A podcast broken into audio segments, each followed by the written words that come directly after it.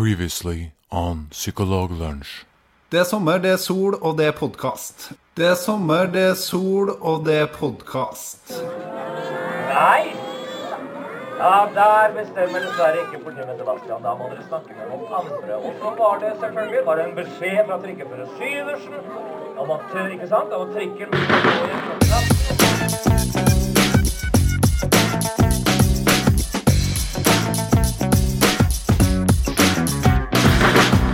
Du hører på Psykologlunsj, populærvitenskapelig lunsjprat med psykologene Tommy, Jonas og Jan Ole.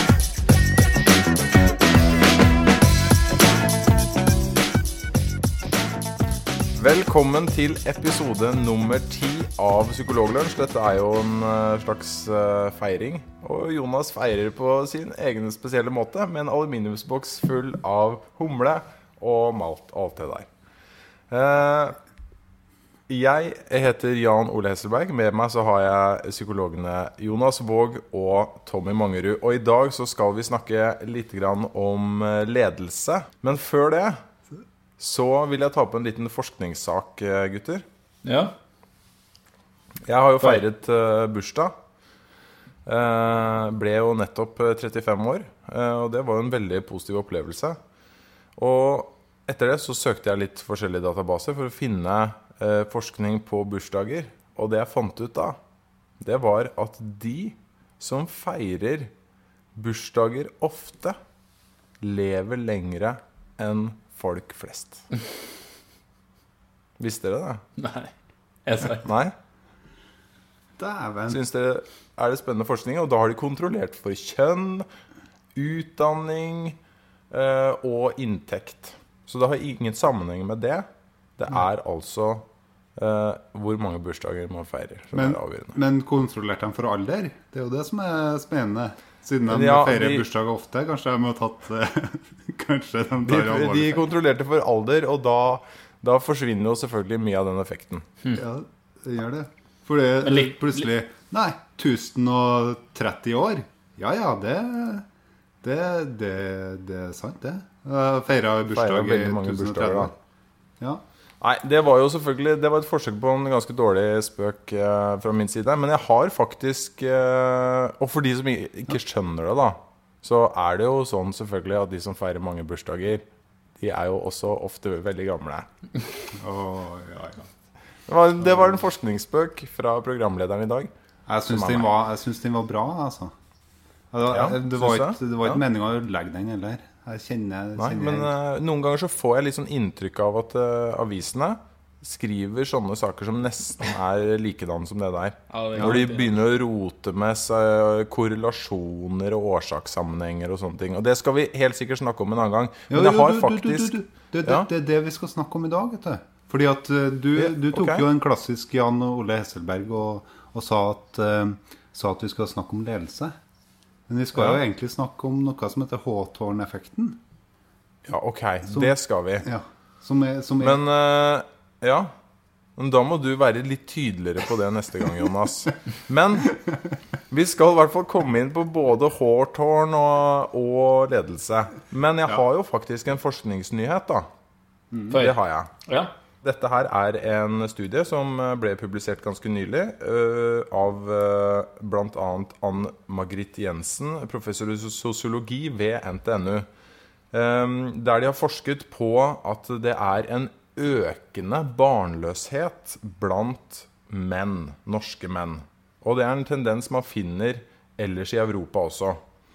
Det man uh, ser, er at eh, det er, har vært en generell økning på tvers av såkalte eh, sosioøkonomiske faktorer. Man vet at de med lavere utdanning, menn med lavere utdanning, er oftere barnløse enn menn med høyere utdanning.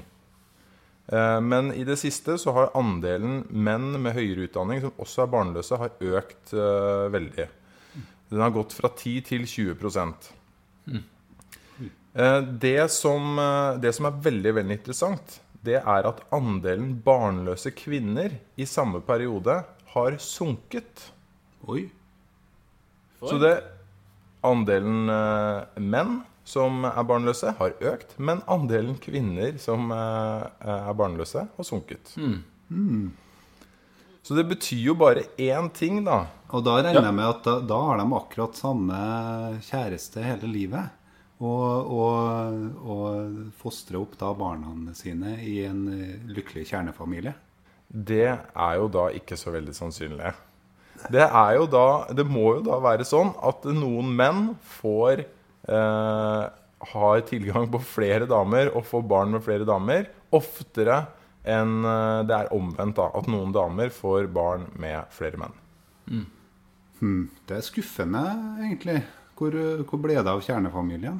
Ja, det, den er, står jo for fall. Og det, det som er litt interessant her, det er at eh, Altså Det er to teorier som eh, fremheves her da i den artikkelen som jeg leste. og Det ene er at eh, høyt utdanna menn er skikkelig hot stuff og resirkuleres eh, tungt eh, blant damene.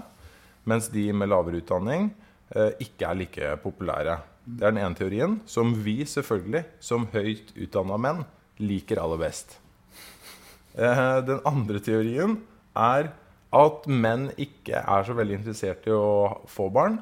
Eh, men at disse høyt utdanna mennene må jo da åpenbart bli overbevist av sine eh, respektive partnere. Hva tenker dere om det, gutter? Ja. Jonas, vær så god. Nei, jeg vet ikke hvor, mange, hvor mange unger har vi i lunsjen. Vi har jo Hvor mange er vi oppe i nå? nei, det er vel seks. Jeg vet ikke, det, det, det kom litt sånn brått på at du spurte om det. Er det seks? Har vi seks unger til sammen? Ja, jeg, har, eh, jeg har over én, men jeg er ikke helt sikker. Ja, det er i hvert fall Det er i hvert fall et par stykker. Ja, ikke sant? Ja. Men eh, eh, jeg syns jo det er eh, Jeg synes jo det er et morsomt paradoks da, at Norge, som en av veldig få land, er eh, hvor du finner den tendensen at barnløse menn går oppover, mens barnløse kvinner går nedover. Det jeg lurer på litt med den studien her, er at det er bare de har, Det de har gjort, er å intervjue 90 menn og kvinner Oi. for å finne ut av årsakene til det. ja. Ok. Uh, og det er vel litt sånn begrensa hva man kan si ut ifra å intervjue 90 menn og kvinner som er barnløse. Hva, hva, hva sa de, da? Nei, altså Det som, eh, det som slo meg der, var at ingen av de Ingen av de 90 som sa at de var barnløse fordi at de ønsket det. Nei, nettopp. Og jeg har jo flere venner som eh, har tatt et eh, standpunkt der og ikke ønsker barn. Uh, og det er litt rart å tenke på da at de har intervjua 90 stykker og ikke klart å finne noen som, eh, som ikke ønsket det. Så her var konklusjonen deres virker å være det at eh, det er at menn ofte ønsker å utsette det å få barn. Eh, og at kvinner oftere da de ønsker det, men at mennene utsetter det. Og så til slutt så har man, er det noen da som selvfølgelig har utsatt det så mye at eh, de har forspilt sine sjanser. Så det ikke blir barn ut av det. Sånn at det ikke er en bevisst strategi om å ikke få barn, bare at man venter så lenge at man ikke kan få barn lenger. Men, men kan ikke det være litt av forklaringen, da? Det at på en måte den gjennomsnittlige gjennomsnittsalderen for å få barn har blitt så høy at, eh, at det er stort sett fertile menn uh, igjen, uh, som da må uh, få barn med et større antall, muligens noe yngre kvinner. Det er selvfølgelig en veldig eh, god teori, syns jeg høres ut som. At, uh, at man utsetter det, og så, uh, og så passerer da liksom uh, kvinnene den reproduktive alder, mens menn fortsatt kan få barn. Men det stemmer jo ikke helt med at andelen kvinner, barnløse kvinner går ned, da. Men dette er altså norsk forskning på sitt aller beste, kanskje nest beste. Eh, Så får vi følge med på hva som skjer eh, videre der. Jeg syns den var litt eh, morsom. Men Jonas, ja, du har en sak du har lyst til å ta opp med oss. jeg har det. Eh, Hawthorne-studiene, det var studiet som ble gjort i en by som heter Hawthorne, som er litt utafor Chicago. eh, Hvor det var et telefonselskap som ville øke produktiviteten sin. Og da engasjerte de en forsker fra MIT til å gjøre en hel rekke undersøkelser på den, eh, den bedrifta, det telefonselskapet, Western Electric, Electric heter det, selskapet. da. Og der, eh, der ble det gjort flere studier. Men det som nevnes i læreboka, er bestandig noe som het for lyseksperimentet. Og i det lyseksperimentet så tok de og delte de ansatte som jobba på, sånn, på produksjonen i det telefonselskapet. Laga sikkert, eh, de laga sikkert telefonapparat. da. Fine iPhones, eh, siden det var på i 1924. Eh, og da delte de arbeidsgruppa i to. Så det ene gruppa, som var eksperimentgruppa, den ble utsatt for økt lysstyrke. Og Da var hypotesen det at økt lysstyrke ville påvirke de ansatte til å jobbe hurtigere. Så hadde de en kontrollgruppe. Det de så, var at når de, gjorde, når de satte i gang med eksperimentet, så så de at produksjonen økte både hos eksperimentgruppa og hos kontrollgruppa.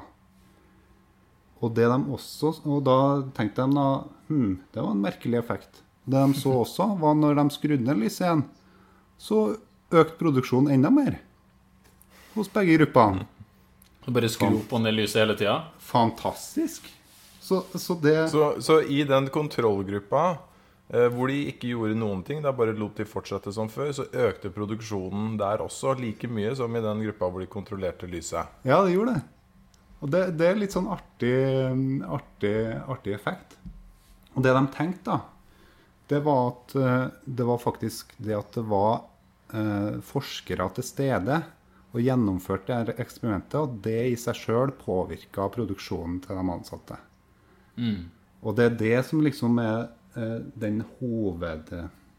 Altså den hovedforklaringa når folk snakker om Hawthorne-effekten, så snakker de om eh, eksperimentets påvirkning på Altså det at det gjennomføres et forskningsprosjekt, dets påvirkning på resultatet.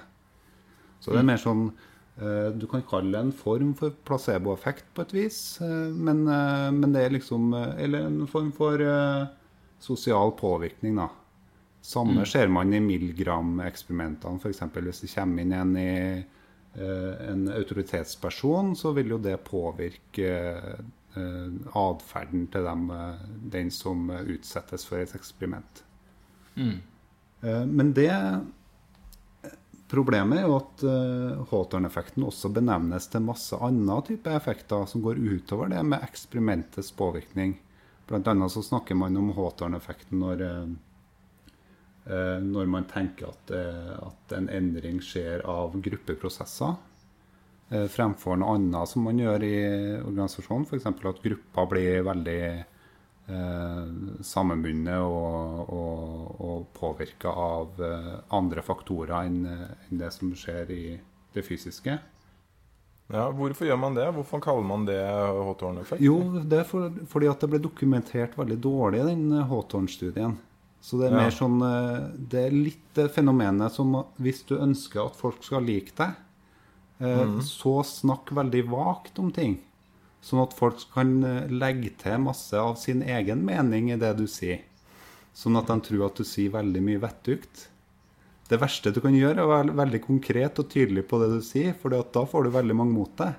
Men pass på å være sånn som meg. Vær litt sånn vag, rund i kantene og sånn. Så, ble, så ordner det seg, altså. det det. Men det, det som er interessant, var at uh, Hawthorne-studiene Og det er for dem som er litt mer eh, interessert i Hawthorne-effekten, og som kanskje har hørt om det før, i at det var faktisk tre andre studier som ble gjort eh, på samme tida òg. og blant annet så var det et studie på hvor de, eh, hvor de ga belønning eh, for produksjon. Månedsansatt? ja. Litt, nei, det var sånn at gruppa fikk belønning eh, for hver eh, For det antallet av eh, mer sånn telefonapparat, eller det var noe sånn vaiere av noe slag de laga. Det er litt sånn klassisk provisjonsarbeid. Ja, klassisk provisjonsarbeid, men gruppa fikk, eh, fikk belønninger, da. Ok. Og der så de at eh, det økte ikke produksjonen. Fordi at gruppa eh, fikk en mistanke om at hvis vi jobber fortere nå, så vil jo det bety at uh, kanskje vi får mindre i, i penger for hver, hvert apparat vi lager. Så derfor, hvis vi holder produksjonen på, det, på et lavt nivå, så passer vi bare på at base-raten for det vi får, eller den grunnlønna vi får, er på samme nivået. Så har vi bare glade dager og lever greit sammen. Og det, og, så det ble en sånn eh, De rotta seg sammen egentlig mot, eh, mot eksperimentet eller ledelsen. Jeg tror det er en kjent problemstilling eh, i eh, en del eh, offentlige bedrifter. At man nærmer seg slutten av året, så har man et budsjett. Og hvis man liksom presterer godt og går langt under budsjettet, så får man ikke noe igjen for det året etterpå. Ja, Eh, ja. Men, men det, det er kanskje det artigste Hawthorne-studiet som, eh, som folk har eh, Som har gått i glemmeboka som alle står i noen lærebok.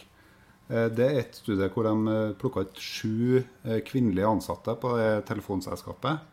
eh, Hvor det var to som ble plukka ut, og de fikk lov til å ta med fem av venninnene sine. Så det, det, er jo, det er det er jo ikke så mange med de eksperimentene her. Og konklusjonene som er trukket, er jo ganske sånn far-fetched, altså. Eh, fordi at man har jo ikke noen store Det er jo bare rene observasjonsstudier, egentlig. Og det at de har hatt så mye på- påvirkning på faget vårt, er ganske, eh, ganske interessant, altså. Men i hvert fall det, ja. men i hvert fall der så var det sånn at eh, de over år så fulgte de den, den gruppa på sju. Og det de gjorde med den gruppa på sju, det var at de eh, jevnlig hadde møter med dem og spurte dem hm, hvordan skal vi endre arbeidsmiljøet nå for at dere skal få bedre produksjon? Kanskje vi, hvis vi endrer litt på herre her, så går det kanskje bedre, bedre for dere. Eh, og da gjorde de bl.a. at de øka lønna. Eh, og da øka produksjonen. Eh, og så tok de og eh, øka antall eh, pauser. Hmm, produksjonen øker. Eh, og så tok de og, og tok og øka Eller kutta ned på eh, ti- minuttene man hadde pauser, men dela dem utover hele arbeidsdagen. Nei, da øka ikke produksjonen, for da ble, man, ble man brutt, eh, brutt i hver pause. Så tok de, eh, tok de heller og laga litt sånn store eh, pauser eh, på, eh, på formiddagen og ettermiddagen. Hmm, produksjonen øker ganske kraftig. og så, og så alt dette med sju stykker. ja, og, så, og tenk deg den gruppa som ikke var blant de sju. De var sikkert veldig happy på det. og, så, og så var det sånn eh, hm, vi, vi slutter kanskje en time før. Ja, det produksjonen ble den samme, den. Men det de så, da, at, eh, at når de hadde fulgt dem De fulgt dem over år, altså. Og når de slutta eh, Og det var, det var fors, forskerne og lederen som fulgte dem. Det de så etter at de slutta, slutta eksperimentet, var jo at de fortsatte jo å produsere veldig bra. Og så lurte de på Nei, da kan det jo ikke være det fysiske som påvirker eh, de ansatte. Og så begynte de å tenke på hypotesen. "Hmm, Kan, kan det være at vi, det at vi fulgte dem hele tida, og spurte dem om hvordan de hadde det, og, og tilpassa arbeidshverdagen til dem, og sånn, kan det ha påvirka tru? Og det er det som er hypotesen, at kanskje det hadde en innvirkning. Og det er det som er bakgrunnen bak eh, human relations, og at psykologi, har, psykologi og sosiale prosesser har også en innvirkning i arbeidshverdagen. Det er interessant, da. Men holdepunktene for å konkludere sånn, eh, de er ikke så veldig eh, godt underbygget. Men vi vet jo i dag at, eh, at det var starten på noe som var, var smart. da. For det, det hersker vel liten tvil om det faktum at uh, når man observerer på den måten, så gjør det også noe med atferden til folk, da. Ja. Uh, spørsmålet er bare liksom hva er omfanget av det? Og ikke minst uh, oppfølgingsspørsmålet blir jo da egentlig hva vet vi om hva som funker for å motivere folk til å jobbe, da. Ja. Og det er jo Det kommer vi til å touche borti eh, flere ganger, sikkert. For du er jo ressurspersonen vår, Jonas, på dette her. Dette er jo din greie. Ja, eh, helt fram til vi får en eh, kritisk røst da, som ringer inn og sier at jeg har referert det her feil. Eh, Ja, men vi screener de innringingene, vi, vet du. Ja, det- Så vi tar ikke med kritiske røster her. Nei, det er bra. Du, Og så var det siste studiet da, hvor de intervjua 20 000 ansatte. Det Det studiene De, de, de følger opp sju stykker, og så slenger de til med å intervjue 20 000. ja, det, og, det, og, det, og det som ble konklusjonen blant intervjuene med de 20 000, det er at å snakke med folk, folk det kan være lurt. Det, det, det var bra, var bra men eh, de fikk ikke, med, fikk ikke ut så mye annen eh, nyttig informasjon fra, fra akkurat det. da. For det, det som også er litt artig, det er at eh, for i Håton, den første Håton-studien, som gikk på lys, eh, så var det sånn at eh, kontrollgruppa også ble også økt produksjonen i løpet av forskningseksperimentet. Og det her er et fenomen som, som kalles for John Henry-effekten. Og den John Henry-effekten den eh, ser man bl.a. i skolestudier. Eh, hvor man da prøver et sånt eh, type skoleprogram. Hvor en gruppe blir plukka ut og får ekstra matteundervisning eller, eller noe sånt. Da. Litt sånn Dere er heldige og skal få lov til å være med i Abel-teamet, liksom, som skal gjøre, få litt ekstra god matte. Mattekunnskap, da. Så ser man at hos den kontrollgruppa så får de liksom fandenivoldskhet. Vi skal faen meg ikke bli slått av den her, eh, av den her Abel-gruppa, altså. Vi skal, vi skal være best. Og så leser de som bare det. Eh, Og så ser man at effekten er den samme på de ulike, ulike eh, gruppene. Og det er et litt sånn artig fenomen. Og den eh, John Henry-effekten, grunnen til at det heter det, er at eh, den er oppkalt etter en, eh, en amerikansk stålarbeider. eh, Ja. som, som i 1870 jobba seg i hjel fordi at han prøvde å, eh, å, å eh, slå produksjonen til ei, maskindrevet eh, sånn stålmaskin, eller hva, hva det var. Så at han, han jobba faktisk så mye at han døde. Og det, det tenker jeg det, det står det respekt av. Det kan, det kan jo for øvrig nevne det at uh, Bruce Springsteen har gitt ut en sang som heter uh, John Henry. Som handler er et sånn kritisk blikk på industrialiseringa oh. Hm. av uh, USA. Kanskje han kommer ut med en sang som heter The Hawthorne Effect. Eh, Som også, Antageligvis er den rett rundt hjørnet. ja, og det, den skal jeg kjøpe, altså. Fordi at uh, There was very much light in the experimental group. Yeah, Outside også, Chicago. Så eh, Yes. et eller annet sånt, ja. For, for, for factens skyld så må jeg bare si at jeg tror ikke det er Springsteen som har skrevet den låta. Bare så dere vet det. Ok, hvem, hvem er det som skriver eh, Er det Little Som skriver låtene til Bruce Springsteen? Nei, det, han skriver nok mye låter sjøl, men eh, jeg tror det her tilhører dette albumet som heter Pete Seeger Sessions. Ok. Ja. Nå skulle vi hatt han eh, Hva heter han programlederen i Popquiz? Finn Bjelke. Ja, Finn Bjelke skulle ha vært her. Kanskje vi skal invitere han eh, neste gang? Ja, det gjør vi. Ja, vi gjør det.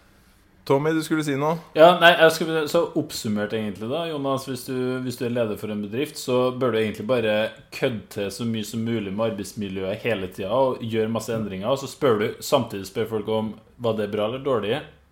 Ja. Går det bra med deg? Ja, Det, og, det, det er nøkkelen på god økt produksjon og det, det er jo litt interessant det der, for, eh, for eh, enkelte vil jo hevde at det gjøres en god del eh, endringer i arbeidslivet i dag. Og er man da flink til også å følge opp hm, eh, Kanskje skal vi gjøre noe annerledes, eller kanskje skal vi endre litt og sånn. Man har, med, man har kanskje mista den dimensjonen. Så det kanskje, kan, kan, kan hende at endring kan være greit. Eh, Så lenge man også passer på at eh, de ansatte er med på det. Mm. Og at man Antageligvis. og, Ja. og så kan man plukke ut en sånn liten eksklusiv gruppe da, som kan eh, få bo i VIP-loungen på hver, i hver organisasjon. Og de produserer ekstra mye. Ikke sant? Ok, vi kan oppsummere at eh, det å observere, prøve å finne ut av hvordan eh, arbeidere skal jobbe mer, ikke er en eh, ukomplisert sak. Det er en Hawthorne-effekt der. Nøyaktig hva den er, er kanskje litt vanskelig å sette fingeren på. Brukes på forskjellige måter. Men den er nok der, og det må man ta høyde for. Vi runder av den saken her med å si at Jonas kommer til å legge ut noen linker til dette på psykologibloggen.no. Eh, Men nå skal vi ta en tommel opp og en tommel ned. Vi kjører intro. Tommel opp og tommel ned. Tommel, tommel, tommel, tommel ned. Det skal vi ha som intro. Det, det blir, det, Ja. Kanskje vi skal ha det som intro. Det var eh, introen til, eh, eller jingeren til eh, tommel opp og tommel ned. Men mens vi spilte av den, så fant Tommy det for godt å gjøre sin egen variant av den, så nå bruker vi den istedenfor. Temaet jeg ønsker å ta en tommel opp og en, eller, og en tommel ned på, det er eh, Jonas Gahr Støres siste utspill i debatten om eh, pasientrettigheter. Vi har jo diskutert pasientrettigheter her før, og en av de tingene som enhver pasient i norsk eh, helsevesen har krav på, det er en såkalt pasientansvarlig behandler. Det er sånn at når du blir eh, lagt inn på et sykehus, så, eller har en kontakt eh, ved et sykehus, så skal du ha en pasientansvarlig behandler som skal være din primære kontakt, og som skal være ansvarlig for din behandling. Eh, og det skal fortrinnsvis da være enten en lege eller en psykolog, men kan også være annet helsepersonell. Det, eh, det er en ordning som ikke har fungert. Per Fugelli, denne professoren i medisin, han eh, var jo kreftsyk og skrev en kronikk om det. At da han var innlagt på norske sykehus, så hadde han til sammen 39 konsultasjoner ved en innleggelse med 39 forskjellige leger. Eh, og det er ikke sånn det skal funke. Det skal være én lege som følger det opp. Så det har alle er enige om at det er en ordning som ikke har fungert. Nå kommer Jonas Gahr Støre med et nytt forslag eh, hvor han vil at vi skal få en kontaktperson ved sykehuset. Men han kaller denne kontaktpersonen for helsefaglig konsulent, eller noe i den duren. Altså en person som skal følge deg, men at eh, det ikke lenger skal være slik at det nødvendigvis trenger å være en lege eller psykolog som skal ha denne kontakten.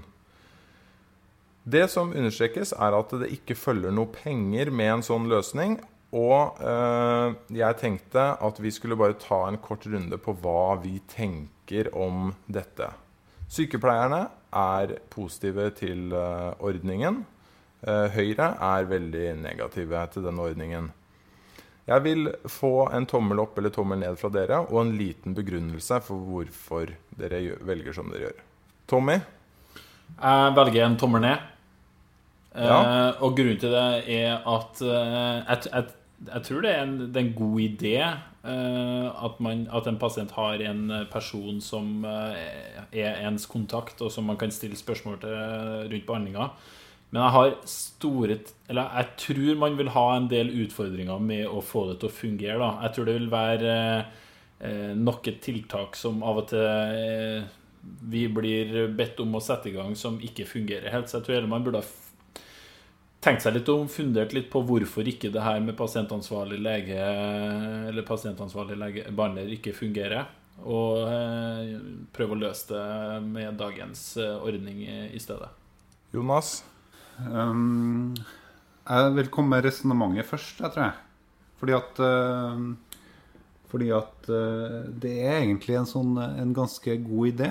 Uh, spesielt når man jobber på en plass som ikke er DPS Stjørdal, som er i Helse Nord-Trøndelag, som er en sånn liten avdeling hvor, hvor det er veldig gjennomsiktig og enkelt å følge pasientene. Eh, Men i store sykehus hvor det er mange forskjellige avdelinger, og hvor det trenges et ganske stort koordineringsansvar eh, hvis man er innlagt på forskjellige poster og er på polikliniske konsultasjoner på forskjellige plasser som har forskjellige spesialiserte eh, områder, så trenger man noen som klarer å koordinere det, på en grei måte.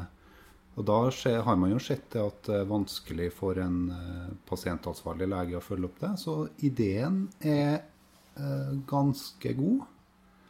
Eh, men hvem som skal gjøre det, det er vanskelig å si. Og i så fall så må jo dem som gjør det, skoleres godt opp. Og det må implementeres på en grei måte. Fordi at eh, det her er ikke et tiltak som bare kan gjennomføres på over natta. Eh, så er det lov til å ha en tommel på skrå. Det er vel ikke det. Eh, Jinglen sier strengt tatt tommel opp, eh, tommel ned, Jonas. Ja, men da, må vi, hørt- da må vi lage en ny jingle. Har ikke du hørt den nye jingelen? Har ikke det? Har ikke Jan Ole sendt deg den nye jingelen, til Tommy? Nei. For, fordi Du den må eh, bestemme, Jonas. Tommel opp eller tommel ned. Jo, vet, vet du, jeg syns eh, eh, Hvis jeg får lov til å gå eh, ikke Ikke forholde meg til hvem som skal gjøre det, eh, så går jeg for en tommel opp. Ok? Jeg eh, eh, fortsetter trenden din, Jonas. Ta resonnementet først. Altså, eh, For meg så føles dette som et eh, forslag som er til stede for å avlaste legene. For det er vel egentlig det han primært sier, at eh, det ansvaret må bort fra, eh, fra legene. Ellers så syns jeg det høres for, til forveksling lik ut til det som er en pasientansvarlig behandler i dag. Og grunnen til at det ikke eh, har fungert godt nok, syns jeg ikke adresseres i det jeg har lest. Altså Noe av det problemet som, uh, som er til stede Det er ikke noe tvil om at det er veldig veldig viktig å ha en person som koordinerer de helsetjenestene dine, nettopp fordi at det er så utrolig mange spesialiserte enheter. Du blir sendt på røntgen, du skal til en operasjon, og så skal du til en eh, fysioterapeut etterpå som skal følge opp skaden din. Kanskje skal du innom en psykolog også. Sånn at det er mange forskjellige enheter i spill. Og det som er det store problemet, er jo koordinering på tvers av alle disse forskjellige eh, tjenestene. Og da tror jeg ikke at løsningen er å omdefinere hvem som skal gjøre det, og si at eh, enhetene må finne ut av det selv. Jeg tror det er noen som må gå på topp av disse enhetene på en eller annen måte. Og det løser man ikke uten å tilføre noen ekstra midler i en periode, iallfall. Hvis man gjør det, så tror jeg at utfallet vil være vesentlig bedre pasienttilfredshet. Um, men for oppsummeringens skyld så tenker jeg at det, dette her tror jeg ikke kommer til å funke helt. Og det føles litt som eh, bare sånn valgkampmat eh, i disse valgkamptider. Det er noe som må adresseres, og derfor gjør han det. Men jeg syns ikke at løsningen virker så veldig god, så det blir en tommel ned fra meg. Dermed er det to tomler ned, én tommel opp, og Psykologlunsj har bestemt at Jonas Gahr Støre er på alvorlig ville veier når han kommer med dette forslaget. Men uh, jeg har et forslag som kanskje vil hjelpe. Det å Ja. eh, øke Det, det er en annen Jonas som har løsningen. Ja, og det er å uh, rett og slett øke lysestyrken på, eh, på sykehusene. For det tror jeg, tror jeg faktisk vil fungere ganske bra. Så produktiviteten vil gå opp ganske kraftig. Eh, og, og alt vil koordinere seg sjøl eh, på, en på mirak mirakuløst vis. Og hvis de ikke gjør det, så kan du bare skru lyset ned igjen. Ja. Det vil jeg Pass på å skru opp og ned jevnlig, og så spør går det greit. Jeg syns at dette er bra. Har lyst til å være medlem i en eksklusiv gruppe som kan få litt sånn eh, forskjellig utprøving av pauser og slikt. Og så plukker man ut sju pasienter som man følger over flere tiår. Og så eh, spør man de resterende 500 000 pasientene etterpå i en spørreundersøkelse. Det, det er konklusjonen vår. Eh, Du har hørt på Psykologlunsj. Vi er tilbake om et par uker som alltid. Ta og så Klikk deg inn på Facebook-siden vår eh, eh, for å sende oss spørsmål. Eller gå innom eh, psykologibloggen.no. Der vil du finne informasjon om denne episoden og linker som du trenger å lese hvis du er litt ekstra interessert. Vi takker for lunsjen.